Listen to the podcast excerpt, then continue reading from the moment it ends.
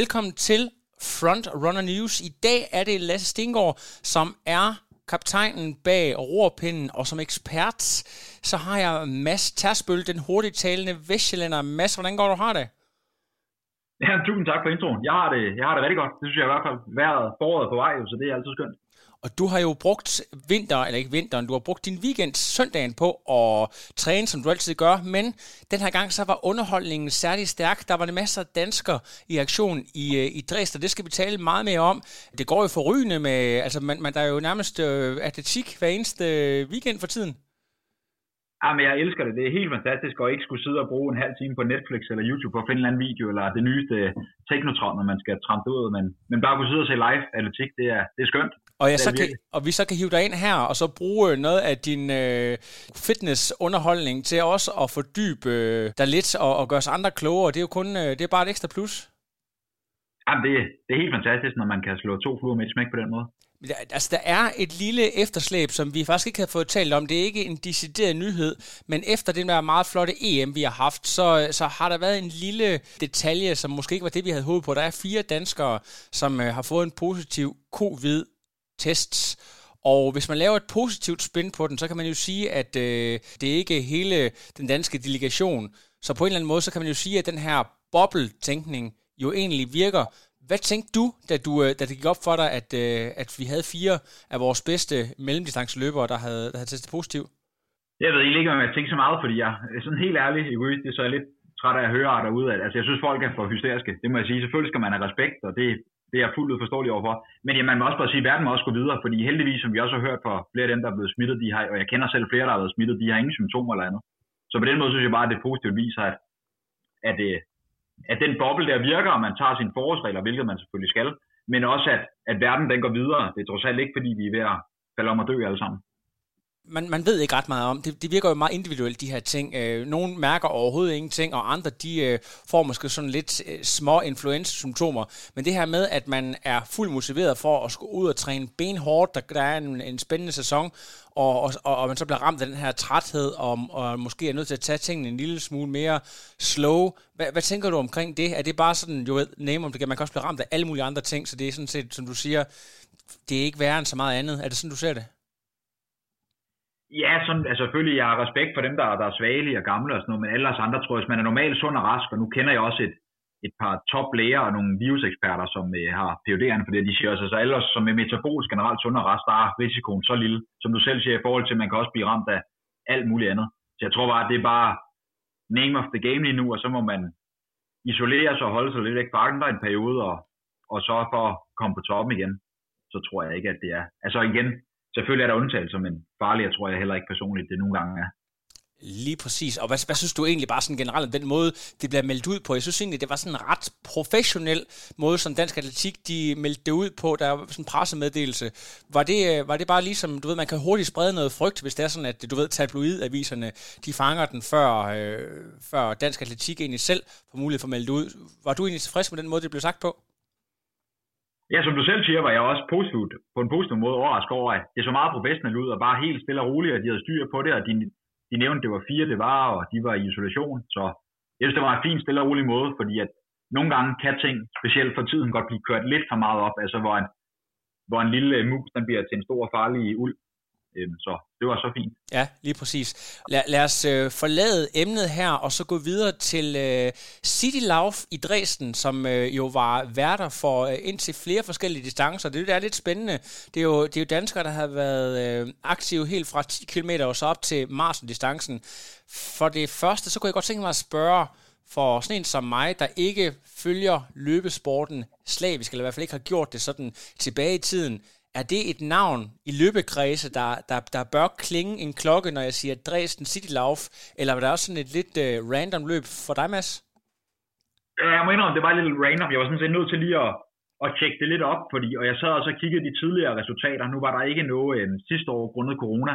Hvis man ser på resultaterne for 18 og 19, så var det ikke, fordi det var specielt hurtig tid, der blev løbet. Altså jeg kan fortælle så meget, at hvis man ser på, på herrenes 10 km i 18 og 19, så blev den vundet på lige over 30 minutter, hvilket ikke er prangende. Så jeg tror, at det nærmere bare er, hvad skal man sige, et løb, der måske er på vej frem, hvilket weekenden i den grad viste. og så generelt tyskerne, de er jo meget kendt for ordning mod sign, og de har styr på det, så man ved generelt, når tyskerne sætter løb op, og der tager gode løber derned, så ved man også bare, der, der er styr på rammerne omkring det hele. Lige præcis, og jeg synes, den første, vi lige skal springe i spil, det er jo en øh, løber, der har været i gang i mange. Jeg har i hvert fald kendt ham i mange år fra AGF. Jakob Simonsen, der også øh, op igennem ungdomsårene var en, der var op og, jeg ved ikke om han, han slog en del ungdomsrekorder, i hvert fald op og pres øh, på flere forskellige distancer. Øh, han går ind og laver en fænomenal personlig rekord på, på 10'eren med øh, så hurtigt som 29.15, og jeg tror kun, at han har været lige under 30 tidligere. Hvad tænkte du, da du øh, så den tid? Stoppede du lige med at, at træde på turbotræneren et øjeblik, eller var du sådan, nah, det, det, det havde du egentlig, den havde du egentlig set komme. Hvad, hvad tænkte du? Jeg vil sige, jeg, jeg ved, at Simonsen han skulle løbe, Jakob Simonsen skulle løbe, øhm, og, jeg, og jeg ved også, det skal også nævnes til, til hans ros, at han, øh, han er ved at komme godt i gang igen, men har stadig, men har også over vinteren, som han er også en person, som har været præget af en del småskader og så videre, har lidt problematikker, så det er meget begrænset, hvad han har løbet af, af kvalitet og så videre. Øhm, men øh, jeg må indrømme, jeg havde ikke regnet med, hvilket er super fedt, han så gør det, men han har løbet så stærkt. Og da jeg så, at han kom i mål der 29-15, der var jeg ret meget op at køre, må jeg sige. Så der, det var ikke fordi, jeg stoppede med at træde i pedalerne, det var faktisk fordi, jeg begyndte at træde lidt hårdere, fordi jeg blev så begejstret på hans vejen. Jeg synes, det er, når det er en, man er gode venner med, og, og man har kendt længe, så er det fantastisk at se, når folk de lykkes. Også bare det, at, som du selv siger, han har været godt og vel lige under 30 minutter tidligere. Nu løber han altså tæt på 29 minutter. Det er, det er virkelig flot, og så på en blæsende kold dag i Tyskland. Det er stærkt, det er det virkelig. Jeg kunne godt tænke mig at vide sådan i, hvis vi snakker 2021, at øh, tingene de udvikler sig hele tiden. Der er hele tiden, øh, der skal mere og mere til, før at øh, man øh, sådan lige spærer øjnene op. Sådan en som, som mig for eksempel. Hvis der, hvis der er nogen, der laver en tid, der hedder for eksempel 29.50, 29.45 og lidt længere ned, så ved jeg godt, okay, så begynder vi at nærme os. Du er lidt mere inde i de her forskellige tider og, og har et, et blik, en fornemmelse for det. Hvor langt skal man egentlig under 30 minutter i din verden, før du sådan begynder at sige, okay, nu begynder vi altså at os noget, som øh, er giftigt her? Sådan efter danske forhold, så synes jeg, når man begynder at nærme sig de der, kommer, begynder at komme under 29-20, så for mit vedkommende begynder jeg at spære øjnene lidt mere op. Jeg husker for nogle år tilbage, hvor Ole Hesselbjerg, han løb, jeg kan ikke huske, om det var Tyskland eller Holland, i også en lidt vindblæst dag, hvor han løb, jeg kan ikke huske, om det var 29-10 eller 29-11, hvilket også var, var ret imponerende. Og det viser også bare, at der er andre end, en Abdi og Tej, som kan løbe stærkt. Og jeg synes godt, det er fantastisk, at, at nu snakker vi ikke længere om at bryde 30 minutter, nu handler det om at bryde 29, og forhåbentlig om nogle år, så handler det om at bryde 28 minutter. Fordi det, det viser udviklingen, at det er muligt. Hvis, hvis man tager øh, for eksempel Thijs og øh, Abdi som the golden standard, siger, det er de to bedste, vi har på tieren. Hvor, hvor tæt vil du sige, at øh, Simonsen med, med tiden her ligger på de to? Du nævner også selv Ole Hesselbjerg, men, men altså, hvordan, hvordan rater den her performance? Det er svært at sige, fordi for det første er det noget tid siden, vi har set Abdi og Thijs på, på en 10 km landvej. Øhm, Thijs løb er den der seneste løb, han løb, var det 28, 7, 38 på 10.000, altså det var 10.000 meter på bane sidste Nemlig, år. Ja. Øhm, og man kan sige, det der med at sammenligne forløb til løb kan være svært, fordi Jakobs tid her, det var trods alt i gadeløb her i en vindblæst marts måned. Øhm, men, men jeg må sige, at folk begynder at komme tættere på. Men når det så er sagt, så, så ved jeg også, at, at de er lige steppet over stadigvæk på en lang distance. Men jeg synes, det er super lovende, at, at de ikke, hvad skal man sige, er plus et minut foran det er, det er super skønt at se. Ja. Fordi det, det motiverer dem, tænker jeg, det motiverer løberne, det motiverer alle, det er kun lidt ligesom at sprede ringe i vandet. Så det er helt fantastisk. Og så viser det også bare igen, at sådan en som, med den historik, jeg ved, Jakob Simonsen han har, vi så også for nylig Ole lave samme nummer i Monaco, hvor han løb vanvittigt stærkt på femmeren med minimal træning, at, at hvis man træner smart, så er det muligt at, at komme rigtig langt, uden øh, at måske træning har spillet maksimalt de sidste, de sidste år op imod. Kan du ikke lige prøve sådan en novice som mig, når man kommer til det tidspunkt i karrieren, hvor man satser på 10.000 meter, måske op og flirte med den halve, men ikke helt er i gang med, med maratonkarrieren endnu. Hvornår vil det typisk ligge, hvis, hvis man kører sådan et, et, et, et øhm, klassisk karriereforløb? Er det der, hvor, hvor Jakob er lige nu, øh, sådan start midt 20'erne? Er han sådan en, en, en fremtidens mand for, for 10.000 og 10 km her?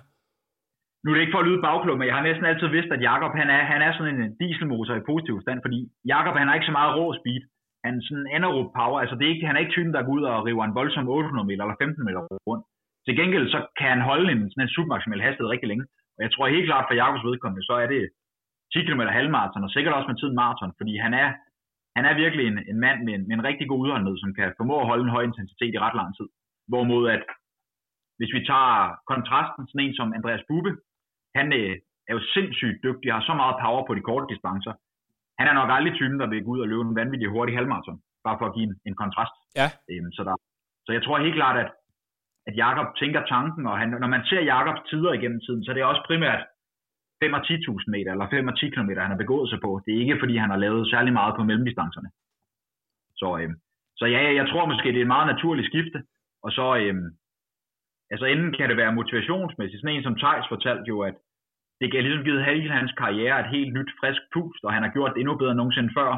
Hvorimod andre, de, de gør det måske også dels, fordi de er gået i stå på de kortere distancer, så rykker de op og mener ikke, der er mere at komme efter. Øhm, men jeg, jeg tror, man skal passe på med at tænke på, bare fordi man når en vis alder, så skal man løbe længere og længere. Fordi vi ser jo også på mellemdistancerne, folk langt, langt op i 30'erne løber vanvittigt stærkt på, på 1500 meter. Øhm, så det, det kommer meget an på, på konteksten. Jeg vil sige, den dag, at I ser mig på, for alvor på maraton, så er det fordi, jeg har pensioneret mig selv på de korte distancer. Fordi ja. jeg, egoistisk set, så synes jeg, at kongedistancerne, de, det er på banen. Det må jeg sige. Ja. Det, jeg, det, det kan være, at jeg har sådan en lidt uh, gammeldags approach. Det, det har jo altid, uh, sådan for mig, de der DM uh, 10 km, det har altid været sådan årets højdepunkt for mig, og altid synes, det var spændende, hvor langt man kunne komme ned. Så det, jeg tror, jeg har en eller anden naturlig begejstring, når der kommer en eller anden, der løber hurtigt på 10. Og der kan du se, du, du har det mere med, med banen, så det er bare sådan, man ser lidt forskelligt på tingene måske. Ja, det tror du ret i, og så måske også, hvor man kommer fra, ligesom du er inde i triathlonsporten, jeg er inde i atletikverdenen, og der er det jo mere de distancer, fordi det sjove i triathlon er jo, at der er den olympiske distance, det betegnes jo som en kort distance, og der løber man netop 10 km landvej. Ja, jeg tror måske også, det er lidt det referencepunkt, man har. Øhm, hvis, hvor også her fra Danmark, hvis man kommer og fortæller, at Jakob Ingebrigtsen, han har løbet 3,28 på 15 meter, det, det siger dem ingenting. Fortæller man dem så, at han har løbet en 10 km på, på 27 eller andet på landvejen, på vindblæs bag, dag i Norge, så, så giver det mere mening for dem. Det er noget, de kan perspektivere sig til.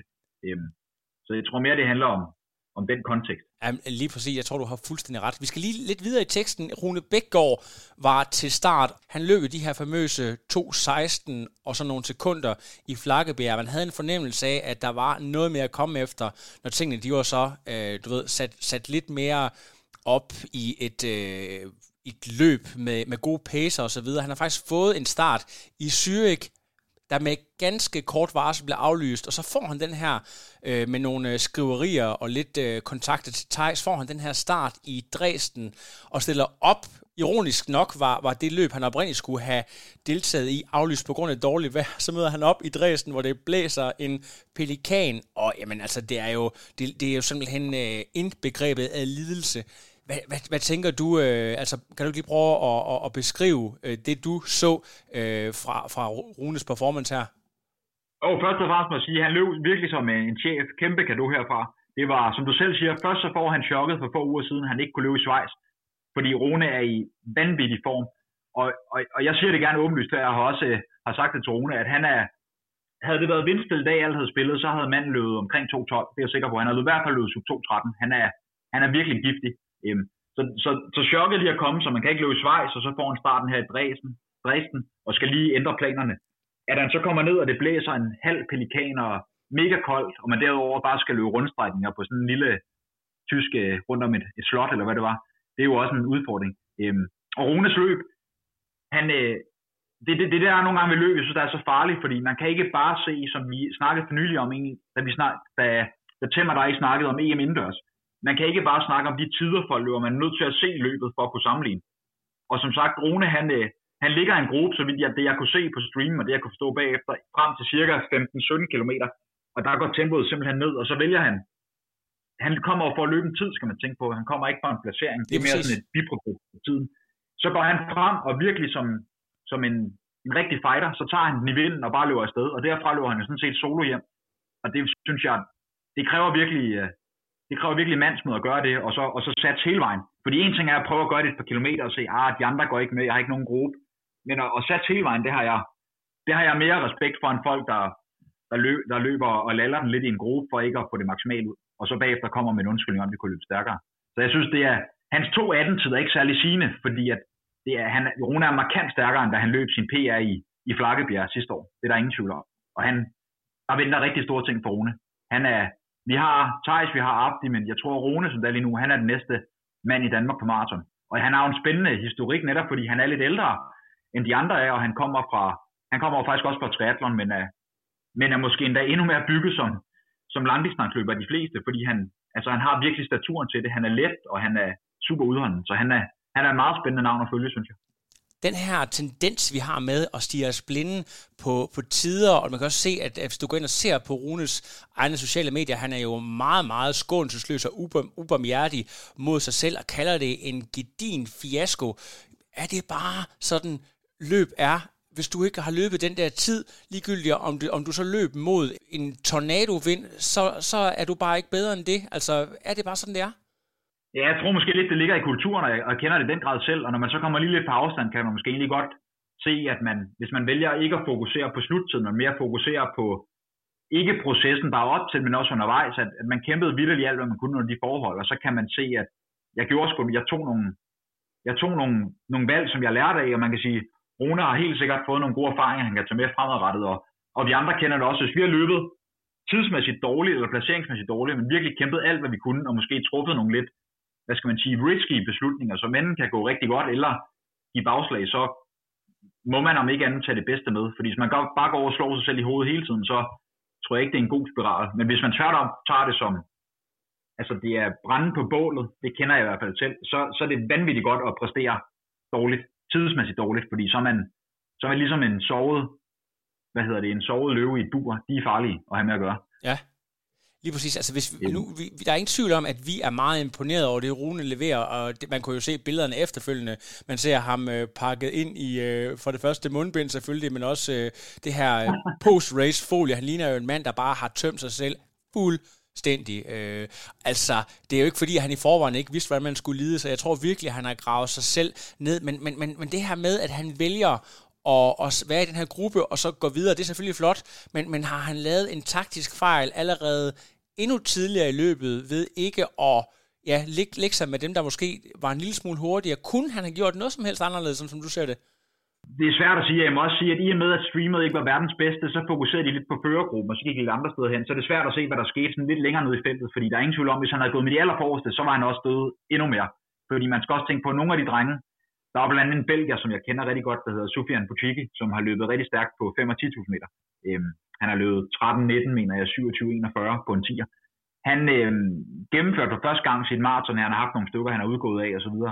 Øhm, og han løb 2-12-30 eller sådan noget, mener jeg, og var, var selvfølgelig skuffet, men, men det jeg vil sige med det, det er, at han kan uden tvivl også nå hurtigt på maraton. Det var bare hårde forhold. Så jeg tror egentlig, at, at Rune han gjorde det rigtigt efter omstændighederne. Fordi man kan sige, hvis Runes plan var at løbe, skal vi sige, 2.13 eller 2.12 eller deromkring, og man ligger ud i, i 2.09 tempo, så risikoen for en dø og så i blæsvær, den er også bare kæmpe, kæmpe stor.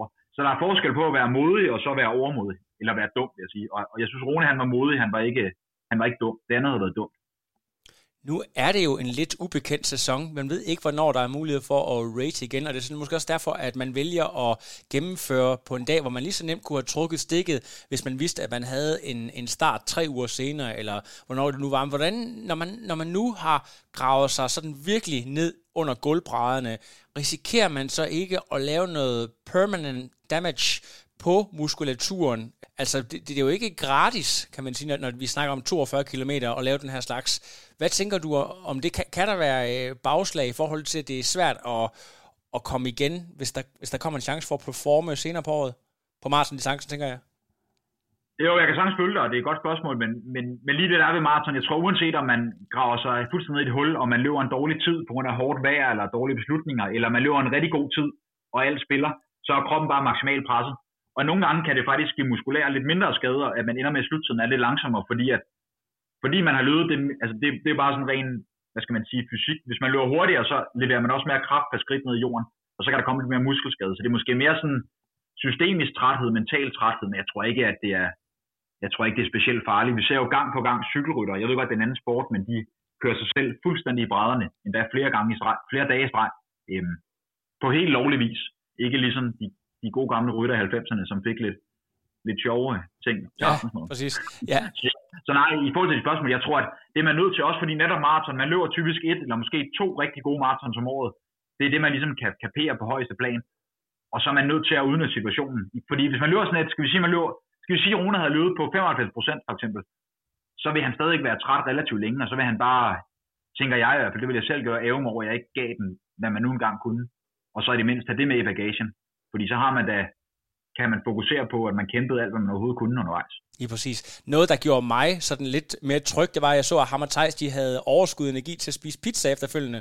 Og du kender sikkert godt, Mads, hvis man sådan virkelig har presset sig, så det første tegn, det er jo, at øh, man simpelthen ikke kan have mad i kroppen. Altså du ved, hvis man virkelig er kommet til at, at grave for dybt, så, så fungerer maven bare ikke. Så, så det er vel egentlig et positivt tegn, at, øh, at man faktisk har overskud til at, at, at tage energien ind, hvis du kan følge mig der.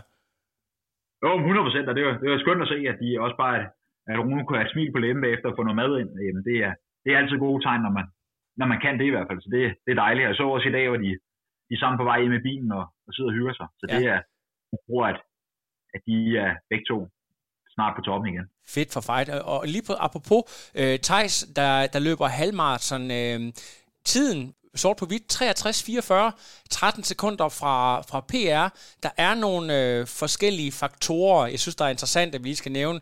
Han kommer lige fra, fra højderne i Kenya sammen med Ole Hesselbjerg, hvor de har været på, er det tre eller fire ugers øh, camp. De kommer fra, fra varmen ned i kulden, der er meget blæsende forhold. Hvad tænker du om tiden, når du tager alle de her faktorer en mente? Er, er det lige så hurtigt, som vi kunne forvente? Er det en lille smule langsommere? Hvordan ser du egentlig Thijs løb? Jamen igen i forhold til, til alle de kendte faktorer, vi ved, og hvad der var grupper at løbe med, fordi man kan sige, forskellen lidt på Thijs' løb og så Runes løb, så i hvert fald hvad jeg kunne se, det var, at der var lidt flere drenge at løbe med, ja. også for Thijs. Jeg ved godt, at langt hen løbet, så ender han kun med at løbe sammen med cirka to andre. Men, men alligevel bare det, man ikke ligger fuldstændig solo. Så jeg synes, når man, jeg synes, det var et rigtig flot løb, Thijs han havde. Jeg ved, han havde selvfølgelig håbet på PR, altså at løbe, og han havde også håbet på at løbe lige under 63 minutter, men forholdene var bare ikke til det, så jeg synes, det var super god tegn. Og så er der også det, man skal huske, at Thijs han er jo kvalificeret til OL. Så det vil sige, at Thijs han skal være klar i start af august. Det er 100% målet. Alt hvad han gør dertil, det er bare opbygning. Hvis vi nu siger, at Thijs har løbet 62-40 eller sådan noget, øhm, men han virkelig havde sat sig på det her løb, så er det ikke sikkert, at formen den, den times korrekt. Så jeg synes, at det er, det er super tegn, tegn og sådan de forhold, at han kan løbe så tæt på, på PR. Øhm, det, er, det er kun dejligt at se, synes jeg ved siden af, at du er god til at lave de her analyser, arbejder du også som coach og har sådan en fornemmelse. Jeg ved ikke, om du også er den type, der bruger Jack Daniels. Han har jo den her formula, som har været brugt i mange år, hvor man kan lave sådan en, en calculator, på, hvis du har den og den halvmarathon-tid, så svarer det cirka til den her marathon-tid. Så hvis vi siger, at Thijs, han har et håb om at gå ned og løbe 2.09, 2.10 der i det lav, hvor, hvor vil han så skulle ligge hen cirka på et halvmarathon? Er det lidt tæt på det, han, øh, han performer her, eller hvad, hvad tænker du? Ja, man kan jo sige det sådan, at det år, Thijs løb øh, 2.10.57, hvilket er hans nuværende PR på maraton, der løb han samme år i Barcelona, jeg mener det samme år, der løb han 63.31 på halvmaraton. Og hvis man ganger det op gang to, så svarer det jo til at løbe lige over 2.07, og så lægge små 4 minutter oveni, det han gjorde. Det vil sige, at Thijs kan virkelig løbe tæt på sin hvad skal man sige, tæt på sin potentiale i forhold til hans halvmarathon-tid. Jamen, der er ikke særlig meget, der er ikke særlig stor difference, hvorimod andre de løber måske plus 7-8-9 minutter, altså deres halvmarathon-tid gang 2 plus 7-8-9 minutter. Jamen, så jeg, og det viser bare, at hans specifikke udregnet marathon pace er, er virkelig god. Så Thijs kan det under de her forhold, det, det, det er jeg meget tryg ved, at han løber, når muligheden byder sig, sub 2-10 på maraton. Det er der ingen tvivl om. Øhm, yes. Fordi man kan ikke altid sige, at fordi man skal også huske på, at man skal først toppe om et halvt år, og så bruge en halvmarathon tid fra nu af. Det forhåbentlig, hvis man har lavet træningen, hvad skal man sige, intelligent, så, øh, så kan man ikke rigtig sammenligne de tider, så skal man gerne være langt bedre stillet, når formtoppen skal være. Lige præcis. Jeg, jeg, jeg, jeg bemærkede faktisk, øh, at du skrev på de sociale medier, at du overvejer selv at lave en, en højdecamp øh, nede i, jeg ved ikke om det er fra Romø, eller hvor du tænker på nede i, i Pyrenæerne. Jeg har forstået det sådan, at det er jo brugt i endurance-kredse, og så tage op i højden. Der er mange, der, øh, hvor, der responderer utrolig godt på det, men der er nært sagt lige så mange, for hvem der enten ikke er nogen effekt, eller de faktisk performer dårligere. Der er også det her med, at der er nogen, der går direkte fra højderne, og så ned i konkurrence. Der er nogen, der skal bruge noget længere tid på at trappe ud af den her. Altså, du ved, de skal vente nogle uger, for at de skal top-performe. Så det, hele det her med at, at lave det der perfekte design, om det ikke er for risky i forhold til de der få procenter, man kan få. Øh, bare lige sådan, for, at lytterne de kan forstå, hvorfor at, at man vælger at bruge så meget tid, energi og økonomi på at rejse i højden. Jo, jeg kan sagtens følge dig, det er et godt spørgsmål. Og der tror jeg, man skal se det som, det er sådan mere en årlang proces, fordi hvis nu man aldrig har været i højderne før, og man har et stort stævne, så er det en meget stor ubekendt faktor at tage højderne og så præstere, fordi som du selv siger, nogle de præsterer rigtig godt de første 48 timer cirka efter de kommer ned på højden, og andre de topper først en tre uger tid efter, eller sådan noget, så der er et kæmpe individuel respons. Og så er der også den faktor i, at den akkumulerede effekt, så hvis man har været på højdetræningslejre mange gange, hvis vi nu tager sådan en som Sondre Mohn, øhm, vores øh, helt vanvittige dygtige maratonløber fra Norge, så øh, han har så mange tusind dage efterhånden samlet i højden, siden han var, jeg tror det var om 16-17 år gammel. Så hvis man ser på hans blodværdier, så ligner de noget, der ligner østafrikanerne til hånden. Øhm, så den der akkumulerede effekt, lidt ligesom træning over tid, den giver noget. Og det er også derfor, mange af de studier, der laves, dem er jeg meget uenig med, fordi det er typisk, at det igen utrænet eller let aktiv, som aldrig har været på højdetræningslejre, og så måler man et par få målinger, hvor hvis man tager nogle udøvere på højt plan, som har været det gentagende gange, og gør det meget struktureret, laver målinger før og laver målinger efter, og ikke mindst, og det er så en af de vigtigste ting, den fejl, jeg ser de fleste laver, når de tager højderne, det er, at de træner for intensivt, altså for høj intensitet, fordi så kan det virkelig give, give bagslag. Og det samme, hvis man bliver syg undervejs, så tager det også bare længere tid at komme sig, når man er i højderne. Men, men nu når du nævner Ole og Tej, så har de prøvet det så mange gange og ved, hvordan de responderer. Så jeg tror helt klart, at det er, altså der er flere, hvad skal man sige, positive effekter ved det, end der kan være tilbageslag. Fordi jeg har da også nogle gange sådan folk, når folk siger, jamen der kan ske det, det. Jamen det kan også være, hvis man tog i sommerhus, at så forstod man foden, forstod man ret, eller man fik influenza eller andet. Så, så jeg tror, at, at også bare det, vi ser i alle sportsgrene, at der er så mange inden for udholdsidræt, der gør det, det er bevis nok på, at, at det virker. Og så er der jo de, uden at snakke hele aften om det, men så er der jo også dem, som slet ikke responderer på det. En af de mest kendte eksempler, det er, han er fortsat øh, amerikansk rekordholder på milen, og har løbet 3.46 på, altså på 1609 meter. Det svarer til sådan cirka 3.30 på 1500 meter. Han responderede, Alan Webb, han responderede slet ikke på højdetræning alle de gange, han prøvede. Tværtom blev han dårligere. Øhm, så, så der er jo nogen, der ikke responderer på det, men det er sådan trial and error, og så ikke mindst på nogle fysiologiske målinger på, hvad der sker ja, før og efter. Lige præcis. Jeg ved, at øh, der er en del af de danske triatleter, der har fået de her ildtelte, fordi det er jo, altså, som lytterne her lige skal vide, øh, for eksempel nordmændene, det er forbudt i deres øh, regi og, øh, og træne øh, kunstigt i de her ildtelte, så de skal faktisk ud øh, og få det på naturlig vis, så de, jeg ved, det, det norske landshold, som jo er blandt verdens dygtigste, de er jo på højdecamp fire gange om året, hvor så øh, de, de danske atleter, de har de her ildtelte, og øh, sådan en som Miki Toholt, jeg ved, du også øh, kender, der er en meget, meget dygtig landsholdsatlet, han er for eksempel en af dem, ja. som, øh, som simpelthen ikke, øh, altså simpelthen ikke responderer på det, selvom han er en af de absolut bedste, især på de der øh, sprintdistancer. Så det er meget interessant, hvordan, øh, når vi er oppe på det øverste niveau, hvem det virker, for hvem det ikke gør, altså. Ja, det er super spændende, og det er netop derfor, at jeg tror ikke, man kan altid skal give nogen generelle regler om, at man skal gøre sådan og sådan. Det er virkelig, altså fysiologi, biologi for individet ændrer sig også, afhængig af hvilken træningsfase man er i og så videre. Der er så mange ting, der skal tages højde for. Og så tror jeg også bare personligt, at der er forskel på højde telte, og så være i højden, fordi tit når vi er i højde telte, af gode grunde, de er så små, at man kan ikke træne derinde, man kan kun hvile derinde. Ja. Hvorimod jeg tror også, der sker nogle, altså der sker nogle hypoxiske hvad hedder det, forhold i musklen, når, den, når der ikke er særlig meget ild til stede. Så når man træner undervejs, sker der også nogle ting der. Hvorimod i forskning kan der typisk kun måle på blodvolumen og røde blodlemmer og sådan nogle ting og sager. Men jeg tror bare, der sker nogle andre ting, som man ikke øh, endnu måske kan, kan måle på, når man er der 24-7 også, også træner i højden. Jeg ved, der er mange holdninger til det, men øh, der er ingen tvivl om, at, at det er meget individuelt, øh, som du selv siger. Jeg vil sige det sådan, jeg har ikke selv været i højdetelt, men men når jeg har sparet op, så kører jeg 100% til. Det er helt sikkert. Ja. Fordi jeg er sikker på, at det giver noget. Om ikke andet giver det mentalt en effekt. Mads, jeg kan forstå øh, på det hele, at der er en helt særlig øh, special edition, øh, der bare ligger og venter, øh, der skal handle om højdetræning. Det kan, det kan jeg mærke på det hele. Vi skal lige afslutte øh, dræsen der, fordi der var altså også nogle andre danskere, måske ikke lige der præsterede på, på lige så højt niveau, som dem vi har talt om. Var der nogen, der sprang øh, i øjnene på dig, eller var der nogle øh, udenlandske løbere, der lavede noget, du bemærkede, hvis vi lige skal have rundet det tyske øh, løb af her? Altså jeg må sige, først og fremmest så havde jeg håbet, at Sondre han havde vundet løbet og løbet lidt stærkere, end han gjorde. Det var også det, der var hans mål.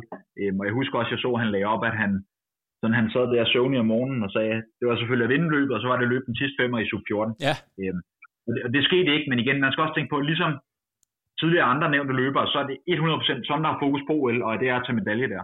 Øhm, så det er målet. Vi skal også lige være helt, jeg skal lige have med for alle lytter her, hvilke distance var det Sondre deltog på? Ja, undskyld, selvfølgelig. Han deltog også på, på halvmarathon, ligesom uh, Thijs blandt andet gjorde. Ja. Øhm, hvad hedder det? Dem, der er sådan positivt, jeg synes generelt, tyskerne gjorde det rigtig godt. Der var flere tyskere dernede, man kan sige, det var også et tysk løb. som, øh, som satte personen rekord. Og så så jeg også lige tilfældigvis, jeg vidste faktisk ikke, det var en konkurrence, men at for hold, så satte de tre tyskere, som jeg kan ikke huske, de blev henholdsvis den første tysker blev toer, mener jeg, men de satte et tysk rekordforhold på lige, jeg tror det var 3 timer og 5 minutter eller sådan noget samlet. Øhm, så det er jo sådan, det er jo noget, der ligner 61 et eller andet i snit per, per løber. Øhm, så jeg synes generelt, at de tyske herrer gjorde det, gjorde det ret godt dernede. Øhm, ellers var der ikke noget, der sådan lige sprang mig vanvittigt i øjnene, må jeg sige, øhm, i forhold til, til præstationerne. Det var også sådan lidt, øh, det var ikke sådan et, et løb, jeg føler, der har været annonceret for, for tid og evighed. Det er sådan noget, der, der dukker op, og det er måske også bare det, vi skal, ja, vi, vi skal vel måske egentlig bare være heldige med, at øh, vi har nogle løb, når de kommer. Jeg er fuldstændig enig. Og nu du nævner det, så er jeg faktisk nødt til lige at sige, fordi herrenes 10 km, den blev vundet af, hvad hedder det, øh, hollandske, jeg ved ikke sikker på udtale men Richard Duma, som har den hollandske rekord, han satte i Berlin for nylig. Han løb lige over 28 minutter på ja. 10'eren. Han også det løb. Han gik efter at løbe under 28 minutter her i, i Dresden. Det gjorde han så ikke, men i interviewet efterfølgende, der sagde han, at han kunne mærke, at vindforholdene var ikke tætte, de andre løbere var ikke tætte, så han ændrede sin plan undervejs, og så løb han sammen med en, jeg tror, det var en somalisk løber, og der gik han bare efter at, at vinde. Og, og det der mener, det er det mindset, vi skal have ud til befolkningen, at, at mellem langdistansløb, det handler absolut ikke kun om tider. Tider det er bare til at kvalificere sig. Det handler om intern konkurrence. Og det eksempel er jo for eksempel i, i cykling, der er vi jo fuldstændig ligeglade med, hvor hurtigt de kører op af LBS. Det, handler, det er der ikke nogen, der kan huske. Det folk kan huske, det er, hvem der blev nummer et. Så det er det mindset, vi skal have til løbende. Synes jeg i hvert fald på elitær plan, at tider, det er fuldstændig ligegyldigt. Det handler om placeringer. Det er konkurrencen. Og så tror jeg også, vi kan skabe en bedre interesse omkring løbet, ligesom cykling absolut kan. Ja, lige præcis. Det synes jeg er, det er også en pointe, øh, Henrik han var med til at, at forklare lidt om. Øh, jeg tror, det var i, i sidste udsendelse, vi lavede, så jeg synes, det er et rigtig godt, øh, rigtig godt øh, budskab at få derud. Er der nogle ting øh, angående løb, noget som du ved, der kommer herinde for de næste uger, som du glæder dig, dig til? Hvad er der i øh, horisonten? Jeg har faktisk mest lige fulgt med i, der har lige været, øh, hvad hedder det, øhm, college-mesterskaber i USA i NCAA Division 1, øh, hvor der er nogle rigtig, rigtig spændende løber på vej frem, specielt på 1500 meter og 3000 meter, som jeg tror kan muligvis også til Olympic Trials i USA kan komme med til OL-holdet. Det er faktisk mest det, jeg har fulgt med i, må jeg sige, de der mellem, mellemdistancer. Og så glæder jeg mig. Jeg har faktisk ikke rigtig set særlig meget frem i kalenderen den næste tid. Jeg ser mig mest frem generelt. Generelt er jeg ikke, jeg synes landevejsløb er fint, men, men jeg ser frem til, til udendørssæsonen på banen. Det er sådan mest det, jeg ser frem til, må jeg, må jeg ærligt tilstå. Det er dejligt, at vi har vores forskellige niche-interesseområder, ellers vil det også blive super kedeligt. Men i hvert fald, øh, Mads Tersbøl, tusind tak for at gøre os klogere på den her korte news-udgave, der også blev lidt øh, nørderi omkring højde og sådan noget. Det det, vi godt kan lide, at vi sådan ligesom får mixet ting en lille smule. Man får et, et overview, og så bliver man forhåbentlig lidt klogere på nogle små detaljer. Tusind tak til dig, Mads, og øh, til alle jer, der lytter med. Vi er forhåbentlig snart tilbage med endnu mere Frontrunner News, så take care and stay tuned.